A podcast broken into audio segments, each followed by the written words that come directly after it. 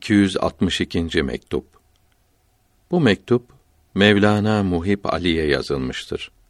Bu yolun bağlayan bağı muhabbet olduğu bildirilmektedir. Allahü Teala'ya hamdolsun. Onun seçtiği insanlara selam olsun. Lütfedip yazmış olduğunuz mektup gelerek bizleri sevindirdi. Çok sevdiğinizi ve ihlasınızı bildirdiği için rahatlık verdi. Eski günleri anlatıyorsunuz.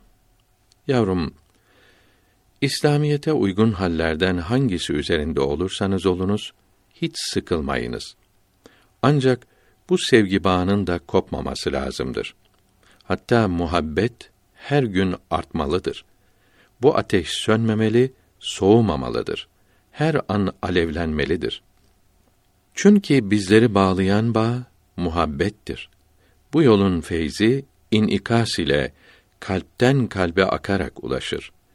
Bu akışta yakınlık uzaklık farkı yoktur. Ancak feyzin hızlı veya yavaş olmasına ve bu yolun inceliklerini öğrenmeye tesir eder. Bu noktayı kıymetli oğluma tarikatı anlatan uzun mektubun 260. mektubun sonunda açıklamıştım. Oradan isteyiniz. O mektubun bir suretini kardeşim Seyyid Mir Muhammed Numan'ın arkadaşları da götürdü. Onlardan da isteyiniz. Daha uzatmıyorum. Vesselam. Evliyanın kalpleri ayna gibidir. Aynaya gelen ışıklar karşısında bulunan cisimler, şekiller aynada görülür. Aynanın karşısında bulunan ikinci bir aynada ve bunun karşısındaki üçüncü aynada da görünürler.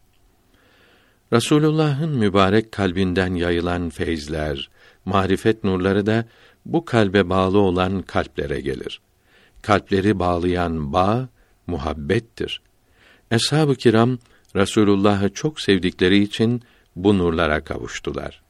Sevgi ne kadar çok olursa gelen feyz de çok olur.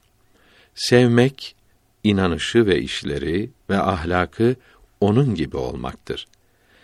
Eshab-ı kiramın kalplerine gelen feyizler sonraki asırdaki bunları seven gençlerin kalplerine de geldi. Bunların da İslamiyete uymaları kolay ve tatlı oldu. Her biri birer veli oldu. Uzak memlekette ve mezarda olan veliden de feyizler yayılmakta, aşıklarının kalplerine gelmekte, kalpleri nurlanmaktadır.